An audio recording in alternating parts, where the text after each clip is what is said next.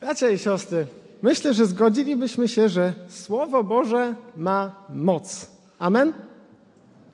No amen, amen. I też myślę, że e, mam nadzieję przynajmniej, że ogromna większość z nas doświadczyła tego w swoim życiu. Że był taki dzień, kiedy rzeczywiście Słowo Boże dotknęło naszych serc, kiedy je przemieniło, kiedy Słowo Boże też, kiedy już byliśmy zbawionymi chrześcijanami, zachęciło nas do czegoś. Sprawiło, że byliśmy w stanie robić rzeczy, co do których wcześniej nie wiedzieliśmy, czy w ogóle jesteśmy w stanie nawet pomyśleć o tym, aby to zrobić. Albo przynajmniej mam nadzieję, że słyszeliśmy o kimś, na, kogoś, na kogo Słowo Boże zadziałało tak, że ta osoba mogła tylko odpowiedzieć: Tak, panie, zrobię co tylko zechcesz, panie. Czy ktoś czytał może taką powieść pod tytułem Zbrodnia i kara Fiodora Dostojewskiego? Bo ja czytałem. O, widzę, że sporo osób czytało, dlatego że w naszym kraju też, też jest często lektura szkolna. Ja, mimo że czytać lubię, to akurat e, lektury nie zawsze były jakąś moją ulubioną e, częścią e, liceum czy, czy w ogóle szkoły. Natomiast ta lektura wywarła na mnie spore wrażenie i to był taki wyjątek, powiedzmy, wśród tych lektur. Tam głównym bohaterem tej książki jest Raskolnikow, czyli taki niewierzący w Boga indywidualista, który, no niestety, z zimną krwią morduje starą lichwiarkę, i jakby na, na domiar złego jeszcze, to robi to głównie po to, nie tylko żeby dostać jakieś pieniądze, ale żeby zamanifestować swoją niezależność od Boga. Że jest ponad dobrem i złem i generalnie jest kimś w rodzaju nadczłowieka. Inną bohaterką tej powieści jest Sonia. Taka biedna córka degenerata, która niestety musi trudnić się prostytucją, aby w ogóle móc utrzymać swoją rodzinę i e, głodujące dzieci. I też zarówno w odniesieniu do Raskolnikowa, jak i też tej Soni moglibyśmy powiedzieć, że mamy do czynienia z postaciami, które tak naprawdę nie mogą liczyć na jakąkolwiek nadzieję w życiu. Że mamy do czynienia z ludźmi, którzy już są zupełnie na dnie, no i jak mogłoby się wydawać, zupełnie pozbawionymi jakichkolwiek celów w przyszłości, jakichkolwiek perspektyw, czegokolwiek. Ale, no właśnie, jest pewne ale pewnym punkcie tej historii następuje taki moment, gdzie te dwie pogubione osoby znajdują się w jednym pokoju i następuje pewien moment przełomu, którego doświadczają wspólnie. I decydują się zacząć swoje życie zupełnie na nowo. A wiecie, co sprawiło w nich tę zmianę? No właśnie, Boże Słowo. Konkretnie narracja o wskrzeszeniu Łazarza, którą znajdujemy w Ewangelii Jana, a którą oni razem przeczytali. I od tego wszystko się zaczęło. Od tego zaczął się cały proces ich nawrócenia. Dlatego, że w tej historii dostrzegli nadzieję, która może stać się także ich nadzieją. Moi drodzy, a i właśnie do tej historii chciałbym nas wszystkich zaprosić. No może nie do zbrodni i kary, to innym razem, ale do historii o wskrzeszeniu Łazarza, którą znajdujemy w Ewangelii Jana w 11 rozdziale. I to jak też Jan opowiada w ogóle dzieje Chrystusa, jego e, historię życiową aż od urodzenia do ukrzyżowania, chociaż bardziej od chrztu Jana do ukrzyżowania, to mm, wydaje się, że Jan stara się zaakcentować, że są takie dwa główne momenty kulminacyjne w życiu Jezusa. Jednym z nich jest właśnie ukrzyżowanie, oczywiście, natomiast drugim takim wydarzeniem, i to jest wyjątkowe dlatego, jak Jan opowiada swoją historię, jest właśnie wskrzeszenie Łazarza. Taki kluczowy cud, w życiu Chrystusa, który e, nawrócił wielu, ale też doprowadził Chrystusa niejako pośrednio na krzyż. No i też bardzo ważnym jest, że tylko Jan w zasadzie zdecydował się opowiedzieć tą historię. Gdybyśmy przyjrzeli się bliżej Ewangeliom Mateusza, Marka czy Łukasza, to tam tego opisu nie znajdziemy, ale znajdziemy go u Jana. I też przez całe wieki ta historia była czymś takim, co przemieniało serca ludzi, czymś, co było szczególnie cenione przez czytelników Biblii, czymś, co e, spośród Ewangelii Jana mogliśmy, z tych wszystkich historii możemy nazwać takim klejnotem Ewangelii Jana, taką historią, która jest szczególnie cenna i ma szczególną moc przemieniać ludzkie serca. Zwłaszcza serca tych, którzy już dawno zwątpili, że w ogóle czeka ich w życiu jeszcze cokolwiek dobrego. Opowieść o Łazarzu to można powiedzieć, że jest taka opowieść o nadziei w beznadziei. Opowieść o tym, że w Chrystusie życie mogą znaleźć naprawdę wszyscy. Wszyscy, nawet ci, których uznalibyśmy już dzisiaj za umarłych, za życia. Ale abyśmy oczywiście mogli zgłębiać bogactwo tej historii, no to musimy oczywiście najpierw przeczytać tę historię. A więc zachęcam do otwarcia naszych Biblii na Ewangelii Jana na rozdziale 11. I na początek przeczytamy sobie wersety od pierwszego do trzeciego, bo będziemy sobie tak stopniowo porcjować tę historię. Był pewien chory, Łazarz z Betanii, miasteczka Marii i jej siostry Marty. Chodzi o tę Marię, która później namaściła Pana pachnącym olejkiem i wytarła jego stopy swoimi włosami. To właśnie jej brat, Łazarz, chorował. Siostry posłały więc do Jezusa taką wiadomość. Panie, ten, z którym się przyjaźnisz, choruje. Dobrze, mamy tutaj zarysowane takie tło tej historii, zostają wprowadzeni bohaterowie, czyli postaci, które się w niej pojawiają, zostaje też jakoś opisana sytuacja. No w tym przypadku tą sytuacją jest pewien główny problem, jakim jest choroba. Zapewne taka bardzo poważna choroba, skoro Marta i Maria jak najszybciej postanowiły skontaktować się z Jezusem. Ale dlaczego zdecydowały się powiadomić akurat Jezusa? Dlaczego akurat Jego? No po pierwsze dlatego, że ich nauczyciel był znany w całym Izraelu jako jedyny, który może w ogóle zrobić cokolwiek z tym faktem. Nie jest wprawdzie z zawodu lekarzem, ale każdy wiedział w tym czasie, że Chrystus uzdrawia i robi to naprawdę. Nie na zasadzie jakichś sztuczek magicznych, ale rzeczywiście ma od Boga moc i powołanie, aby rzeczywiście uzdrawiać ludzi, przywracać im zdrowie. Ale też po drugie, co istotne, myślę, że nawet najbardziej istotne, to po prostu Chrystus był bliski tej rodzinie. Tą osobą, która chorowała, nie był jakiś losowy człowiek, ale przyjaciel Jezusa, łazarz, ktoś e, nawet z czysto ludzkiego punktu widzenia bardzo bliski Chrystusowi. Także ta rodzina z Betanii była taką rodziną zaprzyjaźnioną z naszym Panem. No właśnie, na tym etapie wydaje się, że historia ma się tak, że no, na tym etapie istnieją chyba wszystkie podstawy, aby sądzić, że Chrystus, skoro natychmiast otrzyma tą wiadomość, to od razu pobiegnie Łazarzowi na ratunek. Przynajmniej na razie, na razie tak by się wydawało, że okej, okay, no skoro mój przyjaciel choruje, ja mam możliwość go uzdrowić, no to oczywiście, że natychmiast pójdę mu na ratunek, prawda? To było, wydawałoby się bardzo naturalne. No i kochani, ja myślę, że z nami też jest podobnie. Dlatego, że jako chrześcijanie słusznie uważamy się za część Bożej rodziny, za e, Bożych synów, za Boże córki, za przyjaciół Chrystusa, Jego duchowych braci i siostry. No i właśnie kiedy doświadczamy różnych trudności, jesteśmy zdezorientowani z tym, co się dzieje w naszym życiu, nie rozumiemy Bożej woli względem nas, cierpimy, to co robimy? Wołamy do Niego, przychodzimy do Niego, wysyłamy Mu niejako wiadomość, tak jak Marta i Maria wysłały ją Chrystusowi. I ta wiadomość mogłaby brzmieć mniej więcej tak. Panie, ten, z którym się przyjaźnisz, potrzebuje Twojej pomocy. Panie, ten, którego kochasz, już nie daje rady. Panie, ten, którego zbawiłeś, teraz już w ogóle nie ma pojęcia, co zrobić ze swoim życiem. I tak dalej, i tak dalej. Tutaj każdy może swoją własną wiadomość sformułować dla naszego Pana. Dobrze, ale w jaki sposób Chrystus zareaguje tak realnie na wiadomość Marty i Marii? No, żeby się o tym przekonać, przeczytajmy kolejne wersety tej historii, od czwartego i dalej. Gdy Jezus to usłyszał, powiedział: Ostatecznie końcem tej choroby nie będzie śmierć, lecz objawienie chwały Boga. Za jej sprawą syn Boży będzie uwielbiony. Jezus zaś kochał Martę, jej siostrę i łazarza. Gdy więc usłyszał, że choruje, jeszcze dwa dni pozostał tam, gdzie przebywał, a dopiero potem powiedział do uczniów: Chodźmy znów do Judei. Hmm. Co? Jak? Co to za reakcja? Mój przyjaciel choruje, ciężko choruje, więc celowo poczekam jeszcze dwa dni, żeby do niego przejść. Nie pójdę od razu. Hmm. No strasznie dziwne, prawda? Tak też, gdybyśmy zwłaszcza spojrzeli na tę logikę, która pojawia się w wersetach piątym i szóstym, to to nam się wydaje jeszcze dziwniejsze. Zobaczcie.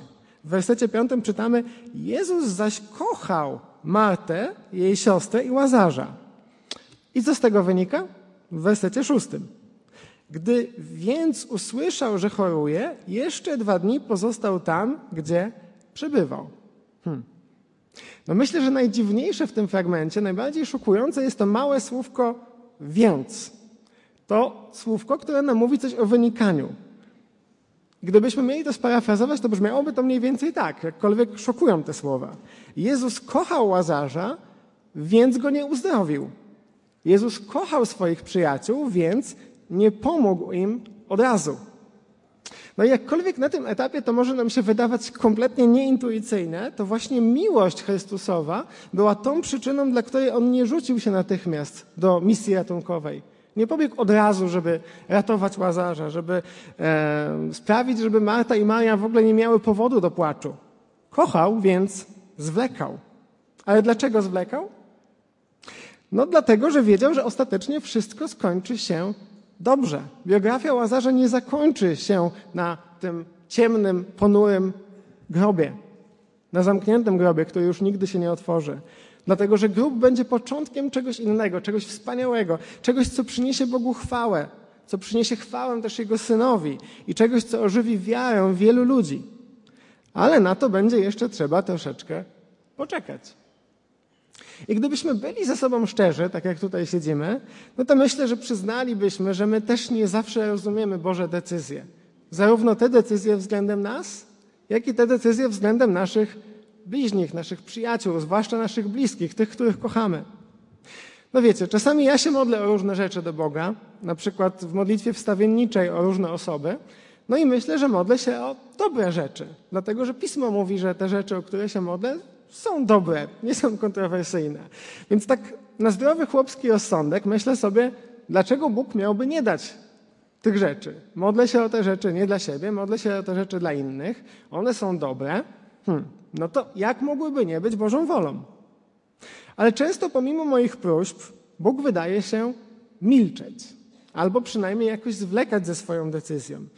No i co gorsza, po pewnym czasie, kiedy ta sytuacja, załóżmy, pogarsza się, nie tylko nie otrzymują to, tego, o co się modlę, ale nawet jest jeszcze sytuacja bardziej problematyczna, no to ja mam wtedy wrażenie, hmm, co się dzieje? Czy Bóg się spóźnia?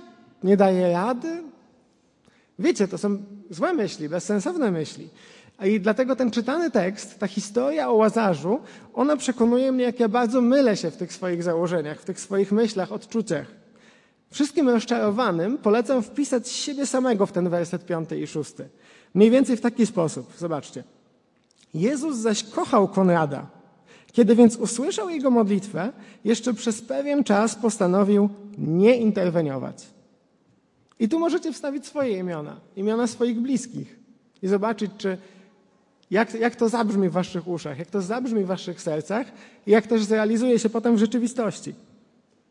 Zawiedziony bracie, rozżalona siostro, spróbuj spojrzeć właśnie z tej perspektywy na swoją sytuację. Bóg nigdy się nie spóźnia. A jeśli zwleka, to nie zwleka dlatego, że robi ci na złość, że nienawidzi cię, nienawidzi twoich bliskich, ale ma ku temu dobry powód. Bo nasz Bóg jest dobrym Bogiem. Jeśli cokolwiek robi, to zawsze ma dobry powód. A może będzie tak, że ostatecznym kresem twojej sytuacji nie będzie porażka, nie będzie permanentna tragedia, ale właśnie coś innego. Może to jest okazja do objawienia Bożej chwały w twoim życiu do Bożej chwały w życiu Twoich bliskich. Myślę, że warto być cierpliwym. Przejdźmy do wersetu ósmego i kolejnych, gdzie ta historia się jeszcze bardziej rozwija i jeszcze bardziej pokazuje się, że to, co mówiłem wcześniej, to prawda. Uczniowie zauważyli, mistrzu, dopiero co Żydzi próbowali cię ukamieniować, a ty znów tam idziesz? Jezus odpowiedział, dzień przecież składa się z dwunastu godzin. Kto chodzi za dnia, nie potknie się, gdyż widzi światło tego świata. Lecz jeśli ktoś chodzi w nocy, potknie się, ponieważ nie ma w sobie światła. Po tych słowach dodał: Łazarz, nasz przyjaciel, zasnął, ale idę zbudzić go ze snu.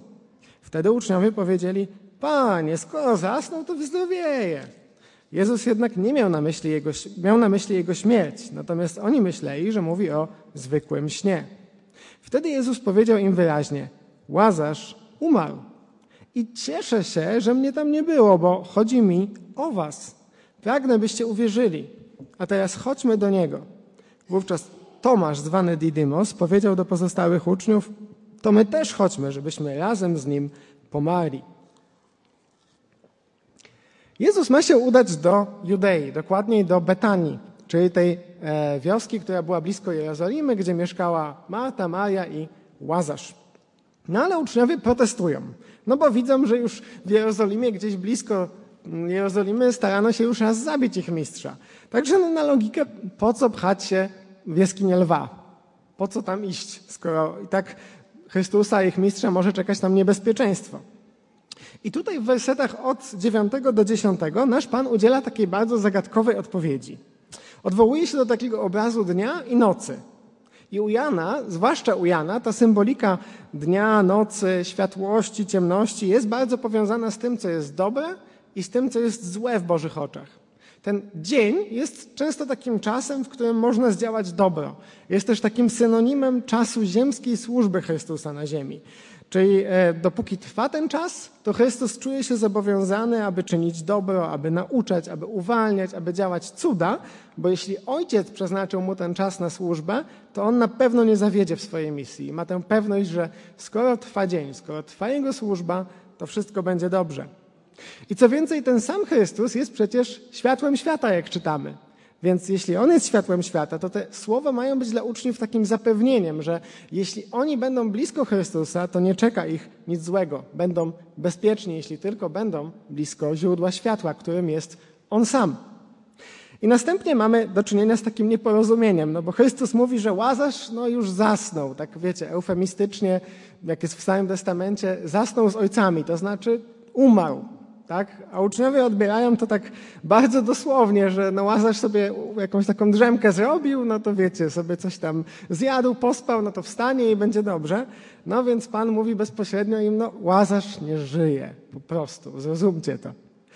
No ale dla nas najważniejszy jest tutaj werset 15, bo on jest taki chyba najciekawszy. I cieszę się, że mnie tam nie było, bo chodzi mi o was. Pragnę, abyście uwierzyli.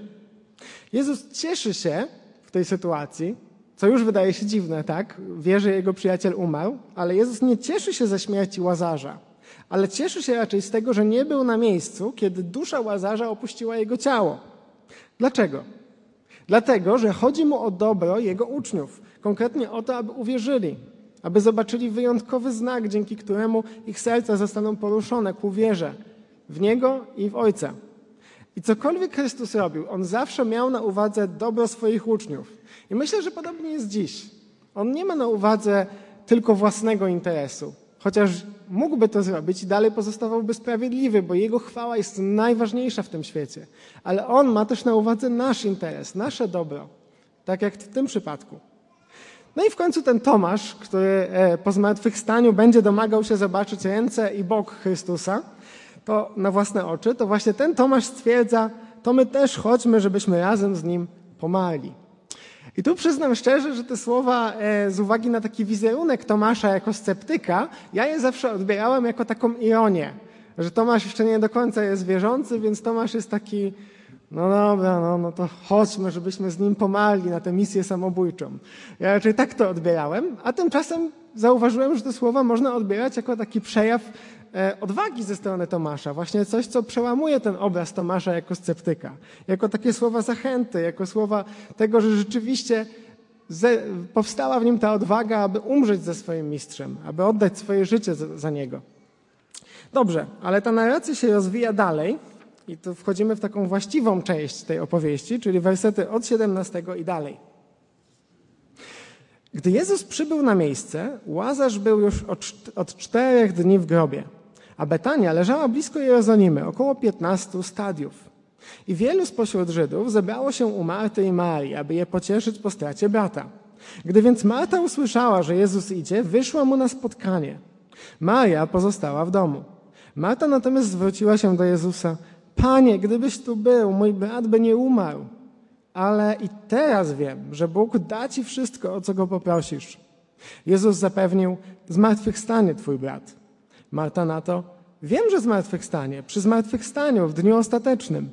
Wtedy Jezus skierował do niej słowa, ja jestem zmartwychwstaniem i życiem. Kto we mnie wierzy, choćby nawet umarł, żyć będzie. A każdy, kto żyje i wierzy we mnie, nie umrze na wieki. Czy wierzysz w to? Odpowiedziała: Tak, panie, ja wierzę, że Ty jesteś Chrystusem, synem Bożym, który miał przyjść na świat.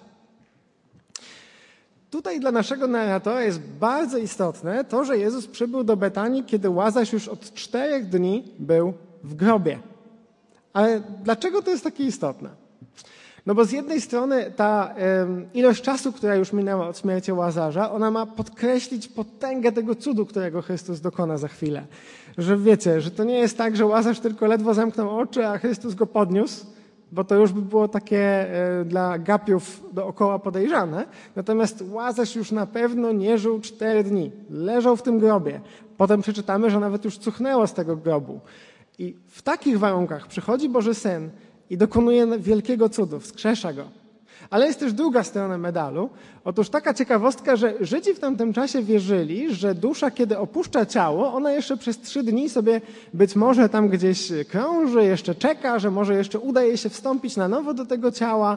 I zgodnie z tymi ówczesnymi wierzeniami Żydów, ona, ta dusza dopiero po trzech dniach stwierdza, że no dobra, już sprawa jest przegrana i wtedy dopiero opuszcza ciało na dobre i już nie wraca do niego.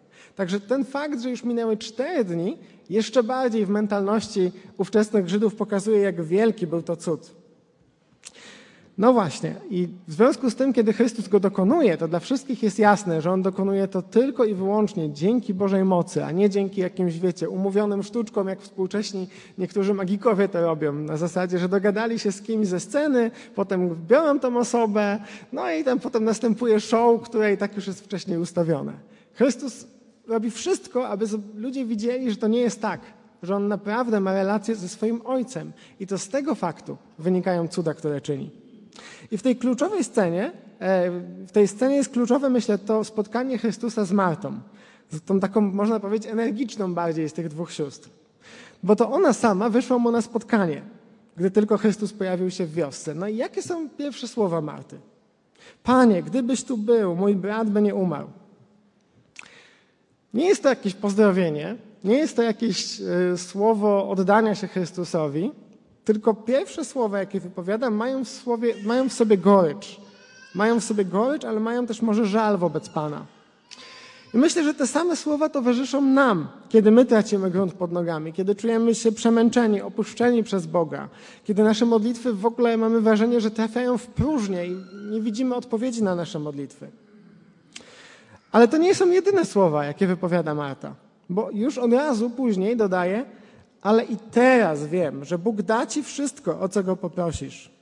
Czyli tu widzimy taki mały płomień wiary, który jeszcze tli się w tym jej sercu, który e, jeszcze ma nadzieję rozbuchać się większym płomieniem, tą iskierkę zaufania do Chrystusa, że jego relacja z Ojcem jest tak silna, że koniec końców będzie dobrze. On zaradzi jakoś tej sytuacji. Jeszcze nie wiem jak, ale ja wiem, że On jest wiarygodny. On jest w stanie coś z tym zrobić. Ufam Mu.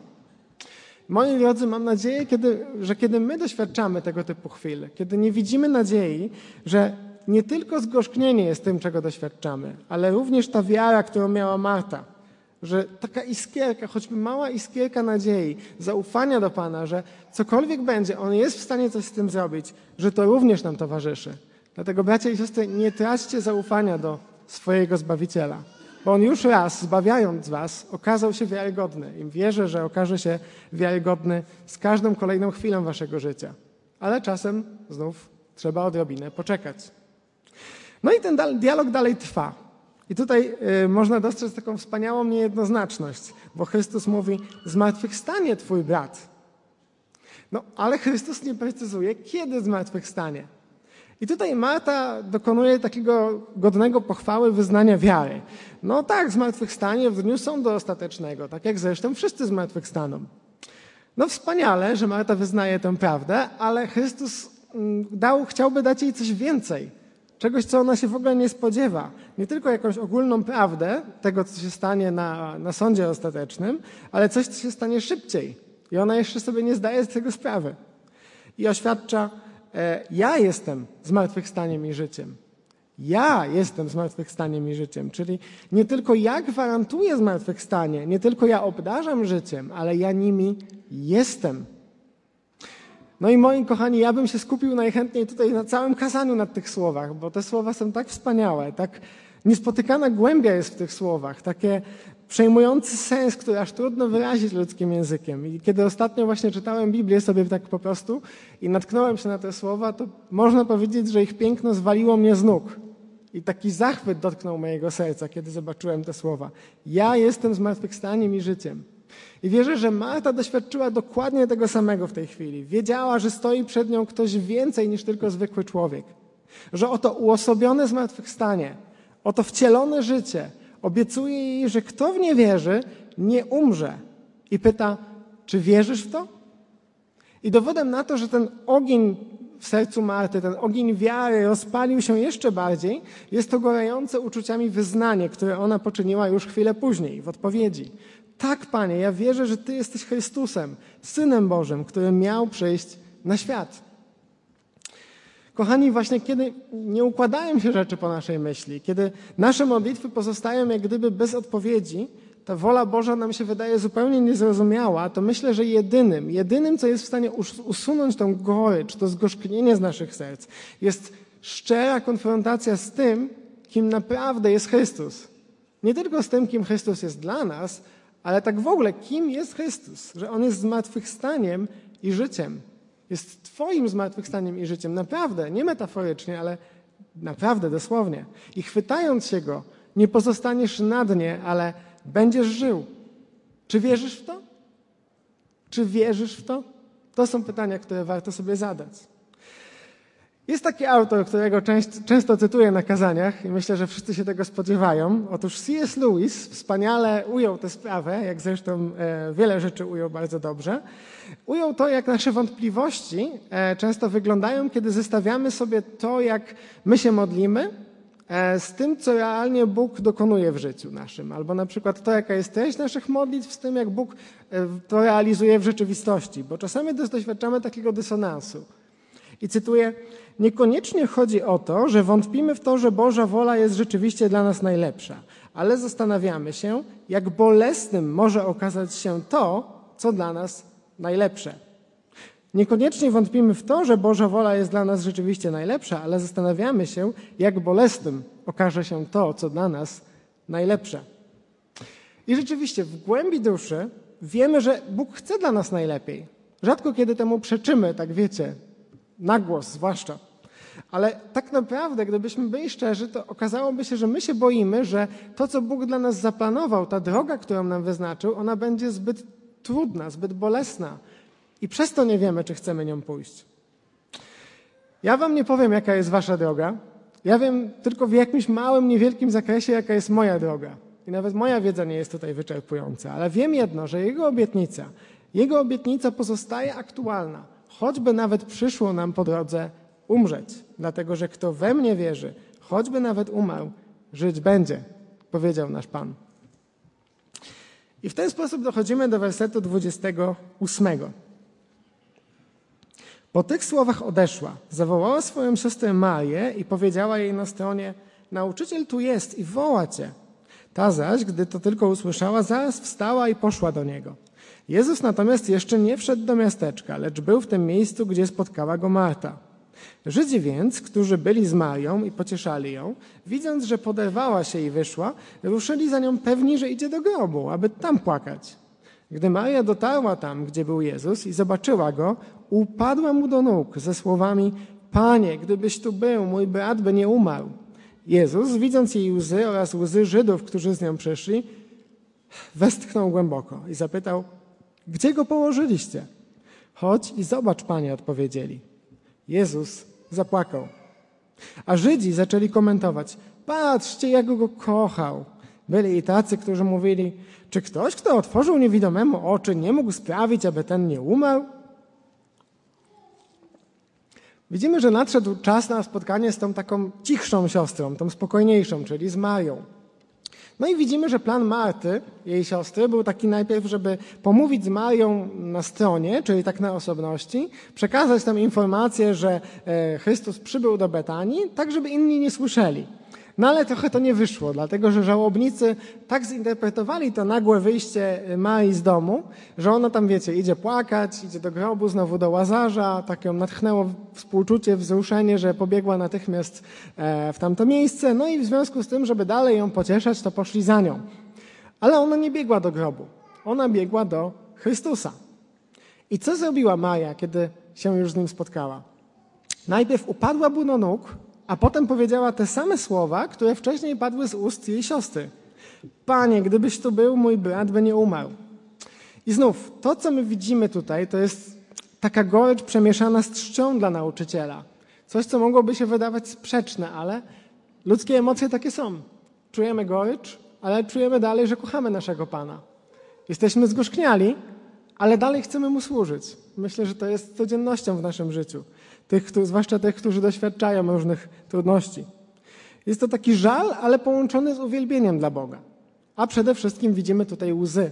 Dużo łez, dlatego że są to nie tylko jej łzy, ale też łzy tych Żydów, którzy przybyli do Jezusa wraz z nią. I tutaj na uwagę naszą zasługuje szczególnie reakcja Chrystusa na to wszystko. O ile ta rozmowa z Martą, czyli z tą poprzednią siostrą, była takim świetnym przykładem, jak Chrystus może pokazać swoją boskość, ani razu nie mówiąc wprost, że jest Bogiem, to tutaj ta historia, ta rozmowa z Mają jest idealnym przykładem tego, jak Chrystus może pokazać, że jest naprawdę człowiekiem, pokazać swoje człowieczeństwo, ani razu nie wypowiadając tych słów, że jest człowiekiem, ale po prostu pokazując to swoją postawą, swoimi czynami. W wierszu, w wierszu 33 czytamy, że Jezus westchnął głęboko. No i bardzo trudno oddać te słowa tutaj po polsku, dlatego że w niektórych przykładach czytamy, że Jezus się rozrzewnił, innym razem, razem, że się wzruszył, a jeszcze w innych przykładach czytamy, że się wzburzył, co ciekawe. Czyli chodzi tu o takie poruszenie emocjonalne, w którym wybrzmiewa zarówno smutek, jak i co ciekawe, również gniew. Ale co wzbudziło w Chrystusie takie silne uczucia? Co nim tak wstrząsnęło? No odpowiedzi tutaj mogą być różne, dlatego że jedni proponują, że Jezusa zasmuciło i rozgniewało zachowanie tych żałobników, dlatego że płaczą, szlochają, tak jak gdyby w ogóle nie mieli żadnej nadziei, jak gdyby byli bez Boga w świecie, jak poganie, jakby nie widzieli w ogóle tego, że nastąpi kiedyś zmartwychwstanie. Ale jeszcze inni, i ta opcja chyba bardziej mi się podoba, widzą tutaj inny powód. To, że Chrystus zdenerwował się i zasmucił samą śmiercią, śmiercią jako taką, że w ogóle śmierć istnieje, że w ogóle jest tak okropna, że jej konsekwencje są tak straszne, że śmierć odbiera ludziom ich bliskich, że w konsekwencje śmierci w życiu upadłych ludzi są tak potworne, że ludzie muszą cierpieć utratę swoich ukochanych bliskich. I nad tym faktem, ze współczuciem, z gniewem, z wściekłością na tą rzeczywistość, że ona tak wygląda po upadku, Chrystus się i zasmucił, i rozgniewał. Ale generalnie cokolwiek byłoby przyczyną, to widzimy jak na dłoni wręcz, że Chrystus pokazuje tutaj swoje człowieczeństwo. Jest człowiekiem z krwi i kości. Nie tylko prawdziwym Bogiem, ale też prawdziwym człowiekiem, który doświadcza emocji tak jak my, tak jak ty czy ja. Prawdziwych emocji, nieudawanych. Doświadcza wszystkiego tego, czego my doświadczamy, z wyjątkiem oczywiście grzechu. I wers 35 to chyba jeden z takich najkrótszych, ale najbardziej treściwych fragmentów Pisma Świętego. Jezus zapłakał. Jezus zapłakał. Czyli Bóg zapłakał nad człowiekiem. Stwórca uronił łzę z powodu swojego kochanego stworzenia. A co zrobili ludzie w tej sytuacji? No, widzimy dalej w tych wersetach. No, ludzie jak to ludzie. No, oczywiście zrobili sensacje, posypały się komentarze, pozytywne, negatywne, domysły. Opatrzcie, go, go kochał tego swojego przyjaciela, stwierdzili jedni, którzy widzieli w łzach Chrystusa potwierdzenie Jego wielkości, Jego miłości do przyjaciela, tak? Że głównie, głównie tę stronę miłości dostrzegli w tym. A inni z kolei powątpiewali i pytali, czy ktoś, kto otworzył oczy niewidomemu, nie mógł sprawić, aby ten nie umarł? Widzieli więc w Chrystusie, w, tym, w tej Jego reakcji słabość. Potwierdzenie nie Jego miłości, lecz tego, że jest słaby, nie był w stanie tego zrobić. I tak zbliżamy się do takiego, można powiedzieć, zwieńczenia tej historii, a więc do wersetów od 38 i dalej. Jezus, Jezus znów westchnął głęboko i udał się do grobu. Grobem była grota. Wejście zamykał kamień. Jezus polecił, usuńcie ten kamień. Wtedy odezwała się Marta, siostra zmarłego, Panie, będzie czuć, bo to jest czwarty dzień. Jezus zwrócił się do niej, czy ci nie powiedziałem, że jeśli uwierzysz, zobaczysz chwałę Boga? Usunęli więc kamień. Jezus natomiast wzniósł oczy w górę i powiedział: Ojcze, dziękuję Ci, że mnie wysłuchałeś. Ja wiem, że mnie zawsze wysłuchujesz, ale powiedziałem to ze względu na tłoczących się wokół mnie ludzi. Chcę, by uwierzyli, że Ty mnie posłałeś. Po tych słowach zawołał donośnym głosem: Łazarzu, wyjdź! I umarły wyszedł. Jego nogi i ręce powiązane były pasami płótna, a twarz owinięta chustą. Jezus zwrócił się do przybyłych: Rozwiążcie go i pozwólcie mu odejść. nasz Pan przechodzi do dzieła. Zbliża się do wejścia do grobu, który w tamtych czasach zasuwano takim ciężkim kamieniem, głównie po to, aby uchronić szczątki zmarłego przed dzikimi zwierzętami, które mogłyby przyjść w nocy i tam, wiecie, rozwalić to wszystko i tego nie chcemy. Także jest ten ciężki kamień. I Chrystus chce, aby ten ciężki kamień odsunięto, aby mógł wejść do grobu. Ale tutaj interweniuje Marta, która dzieli się takimi, no skąd inąd, rozsądnymi refleksjami na pierwszy rzut oka. No bo ciało Łazarza już tam leży czwarty dzień, więc no będzie cuchnęło. Może to nie ma sensu, skoro ono już jest w stanie rozkładu. Jakkolwiek głos Marty, on wynikał z takiej racjonalnej oceny rzeczywistości, był w miarę sensowny, to ona najwyraźniej nie była świadoma tego, co ma się za chwilę wydarzyć. I może tak naprawdę e, jeszcze w pełni nie przeżyła tego, co Chrystus jej powiedział, że jest zmartwychwstaniem i życiem. I dlatego Chrystus kieruje do niej, a pośrednio także do nas, to pytanie, na które chciałbym, abyśmy sobie odpowiedzieli. Czy ci nie powiedziałem, że jeśli uwierzysz, to zobaczysz chwałę Boga?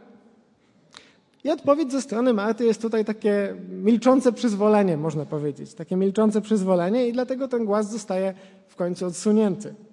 Później Chrystus modli się do Ojca, ale nie modli się po to, aby zostać wysłuchany, dlatego że On wie, że zostanie wysłuchany i nawet już został wysłuchany, ale raczej modli się na świadectwo tych obserwatorów, aby wiedzieli, że ten cud, który się za chwilę dokona, on wynika nie z jakichś tam sztuczek, ale z intymnej relacji Chrystusa z Ojcem.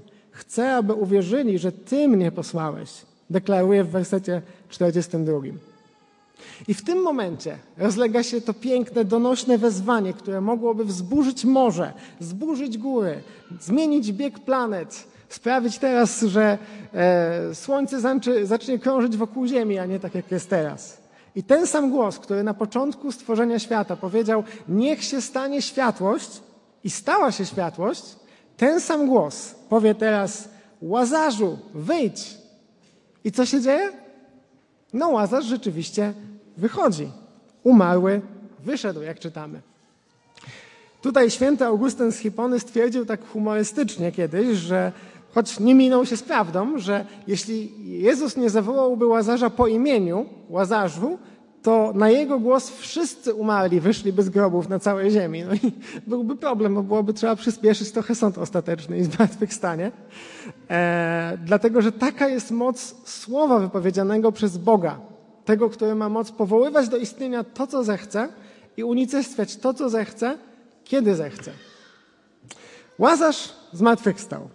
Ale no właśnie, czytamy, że jego ręce były takie powiązane różnymi płatna, płatami płótna, i pewnie było mu trudno chodzić, tak jak trochę wiecie, są takie filmy o zombie i tak kuśtykają, mm, takie wiecie, mumie, e, które nie są w stanie ruszyć nogami, powłóczą tak po ziemi, no bo e, są powiązane różnymi bandażami. Ale Chrystus zamiast pławić się teraz w zachwycie ze strony tłumu, patrzcie jak to uzdrowiłem, jak tutaj wspaniale, to on dalej troszczy się o zdrowie swojego przyjaciela. No bo dlaczego każe, e, aby po prostu rozwiązać go i puścić go dalej, Łazarza. No bo sam Łazarz, no właśnie, był związany, dalej to wszystko go ścisnęło i przeszkadzało mu, ale też wiecie, no gdybyś, gdyby Chrystus was wskrzesił nagle, też bylibyście trochę oszołomieni i chyba chcielibyście dojść do siebie po tym cudzie. Także Chrystus dalej tutaj mm, nie pozwala jakimś ciekawskim ludziom namolnie dotykać Łazarza, sprawdzać, czy ten cud był prawdziwy, ale po prostu mówi, rozwiążcie go i pozwólcie mu odejść, bo, jak było na samym początku, kocha Łazarza. No właśnie, ale Łazarz naprawdę był martwy tak realnie nie żył. I tak więc z ludzkiej perspektywy cała nadzieja wydawała się ulecieć wraz z jego ostatnim oddechem. Także Maria, Marta i ci wszyscy żałobnicy spośród Żydów, oni mieli jak najbardziej uzasadniony powód, żeby płakać, żeby szlochać, żeby cierpieć z tego powodu. I pomimo tej prośby skierowanej do Chrystusa z wyprzedzeniem, ten, który jako jedyny miał moc ocalić Łazarza od śmierci, jednak pozwolił udać mu się w tą samotną drogę, w tą samotną drogę, z której zwykle się nie wraca. Także mogłoby się wydawać na początku tej historii, że wszystko jest stracone, że to już koniec, że już nie ma żadnej nadziei. I myślę, że tak samo u nas jest, że u nas też pojawiają się różne wydarzenia, co do których nie jesteśmy w stanie nic zrobić, jesteśmy bezradni. Nie jesteśmy w stanie odwrócić skutków tego, co się wydarzyło. Mierzymy się ze zwolnieniem w pracy, utratą przyjaźni, miłości, bolesnym rozwodem nie z naszej winy, ciężką chorobą, śmiercią bliskich, wieloma różnymi rzeczami. No i znajdujemy się pod ścianą, sami, samotni. Także nasze życie wydaje się rozpadać jak domek z kart i wiara nasza również równolegle zdaje się powoli gasnąć. Ale, no właśnie, jest pewne ważne ale. Dla Boga nie ma sytuacji beznadziejnych. Bo jeśli Chrystus był w stanie wskrzesić, podnieść do życia to już gnijące ciało Łazarza, no trzeba to powiedzieć wprost, ono gniło i śmierdziało, to na pewno jest w stanie wkroczyć się w Twoje rozkładające się życie. Podnieść to, co nie da się podnieść, to, co nikt nie jest w stanie zrobić. Naprawić to, czego nikt inny nie umiałby naprawić. On może poskładać złamane serca, przywrócić to, co utracone i rozświetlić mroki nawet tej duszy, która już dawno zapomniała, jak wygląda Boże światło. I właśnie w tej sytuacji, kiedy przeżywasz takie rzeczy, w przeciwieństwie do Marty, nie ufaj zewnętrznym okolicznościom. Nie ufaj swojej rozumowej analizie tej sytuacji, chociaż ona też jest potrzebna, ale przede wszystkim zaufaj Panu. Pozwól mu odsunąć ten głaz, bo za tym głazem pewnie czasami ukrywamy różne rzeczy. Ukrywamy różne rzeczy, które gniją tam i śmierdzą, ale odsuń ten głaz. Stań w prawdzie, ale stań też w nadziei, zwracając się do Boga nadziei, aby to On podniósł cię z martwych. I wtedy, bo tak jak Łazarz, nie jesteś w stanie zrobić tego o własnych siłach. Nie jesteś w stanie wstać sam, tak jak On, który był martwy. Moi drodzy, ale jeśli narodziliśmy się na nowo, jeśli jesteśmy chrześcijanami, to tak naprawdę z naszymi sercami wydarzyło się już wcześniej coś analogicznego, coś bardzo podobnego do tego, co już wydarzyło się z Łazarzem. Chociaż byliśmy martwi w swoich grzechach, jak też czytaliśmy e, z listu do Efezjan na początku nabożeństwa. Byliśmy martwi w swoich grzechach, ale mimo, że go nie szukaliśmy, mimo, że nawet nie byliśmy w stanie zawołać do niego o pomoc, to on zlitował się nad nami. Wezwał każdego z nas po imieniu. Konradzie, ożyj! I na słowo Chrystusa, pomimo naszej duchowej martwoty, staliśmy się w nim nowym stworzeniem. Także jeśli Pan był zdolny dokonać tak wielkiego cudu, że przemienił Twoje serce kamienne w serce mięsiste, serce, które jest w stanie Go kochać, które jest czułe na Bożą miłość, to tym bardziej poradzi sobie z problemami Twojego doczesnego życia. Tym bardziej jest w stanie dokonać cudu tu i teraz w Twoim życiu. Nawet jeśli te trudności by Cię przytłaczały. Jego nie przytłaczają. I to jest dobra nowina. Ty możesz być przytłoczony, ale On Nigdy nie będzie. On jest zmartwychwstaniem i życiem. I gdybyśmy dalej czytali Ewangelię Jana, to zobaczylibyśmy, że ten spektakularny cud wskrzeszenia Łazarza, on spotkał się z taką dwojaką reakcją ze strony Żydów. No bo jedni uwierzyli w Chrystusa, oddali mu swoje życie, a inni nieżyczliwie niestety donieśli o tym faryzeuszom. Ci z kolei zwołali takie specjalne spotkanie członków Sanhedrynu, Wysokiej Rady, no i to pociągnęło za sobą taką lawinę wydarzeń, która doprowadziła ostatecznie Chrystusa na krzyż. Niestety, ale w toku mojego kazania mogłem tylko nawiązać do takich wybranych wątków tej cudownej opowieści o życiu i śmierci, wierze i zwątpieniu, nadziei i beznadziei. Ale zachęcam każdego z nas, aby tak po powrocie do domu jeszcze zapoznać się jeszcze raz z tą historią, jeszcze raz przeżyć ją w samotności, jeszcze raz otworzyć się na działanie Bożego Ducha. Zwłaszcza jeśli znajdujemy się w takich sytuacjach, jak opisałem, kiedy mamy trudności, które nas przerastają. Wierzę, że Boży Duch wykorzysta tę historię, tak jak wykorzystał ją w historii, w historii życia milionów ludzi. Ale gdybyś miał zapamiętać z tego kazania jakieś takie trzy główne myśli, takie trzy główne wnioski, to myślę, że tak bym je sformułował. Po pierwsze, w Bożym planie wszystko dzieje się dokładnie na czas. Jeśli wydaje ci się, że Bóg zwleka ze swoją odpowiedzią, z odpowiedzią na Twoją modlitwę, to za tym nie stoi Jego nienawiść względem Ciebie, ale raczej Jego miłość względem Ciebie. Także jeśli zachowasz cierpliwość i wytrwałość, kiedy On milczy, to w odpowiednim czasie On przemówi i pokaże Ci swoją chwałę. Tak jak pokazał tę chwałę Macie, Maj, Łazarzowi i wszystkim, którzy oglądali tam ten cud. Idąc dalej, po drugie, z jednej strony Chrystus jest dokładnie taki jak Ty. To znaczy jest prawdziwym człowiekiem. Jest w stanie utożsamić się z, z Tobą, z Twoim problemem. Jest w stanie okazać Ci współczucie aż do granic płaczu, jak czytaliśmy. Ale z drugiej strony Chrystus jest od ciebie zupełnie inny. Przede wszystkim jest silniejszy, jest wszechmocnym Bogiem i dlatego jest w stanie zaradzić Twoim problemom skutecznie. Jest w stanie współczuć, ale jest też w stanie przekuć to współczucie w czyn, który realnie zrobi coś z Twoją sytuacją. I w końcu po trzecie, dla Jezusa, który jest Bogiem nadziei, nie ma spraw beznadziejnych. Z ludzkiej perspektywy rzeczywiście te problemy mogą się wydawać niemożliwe do przejścia, ale ten, który był w stanie wskrzesić gnijące ciało łazarza, na nowo tchnąć w nie ducha, jest też w stanie odbudować Twoje rozpadające się życie, na powrót napełnić Cię nadzieją.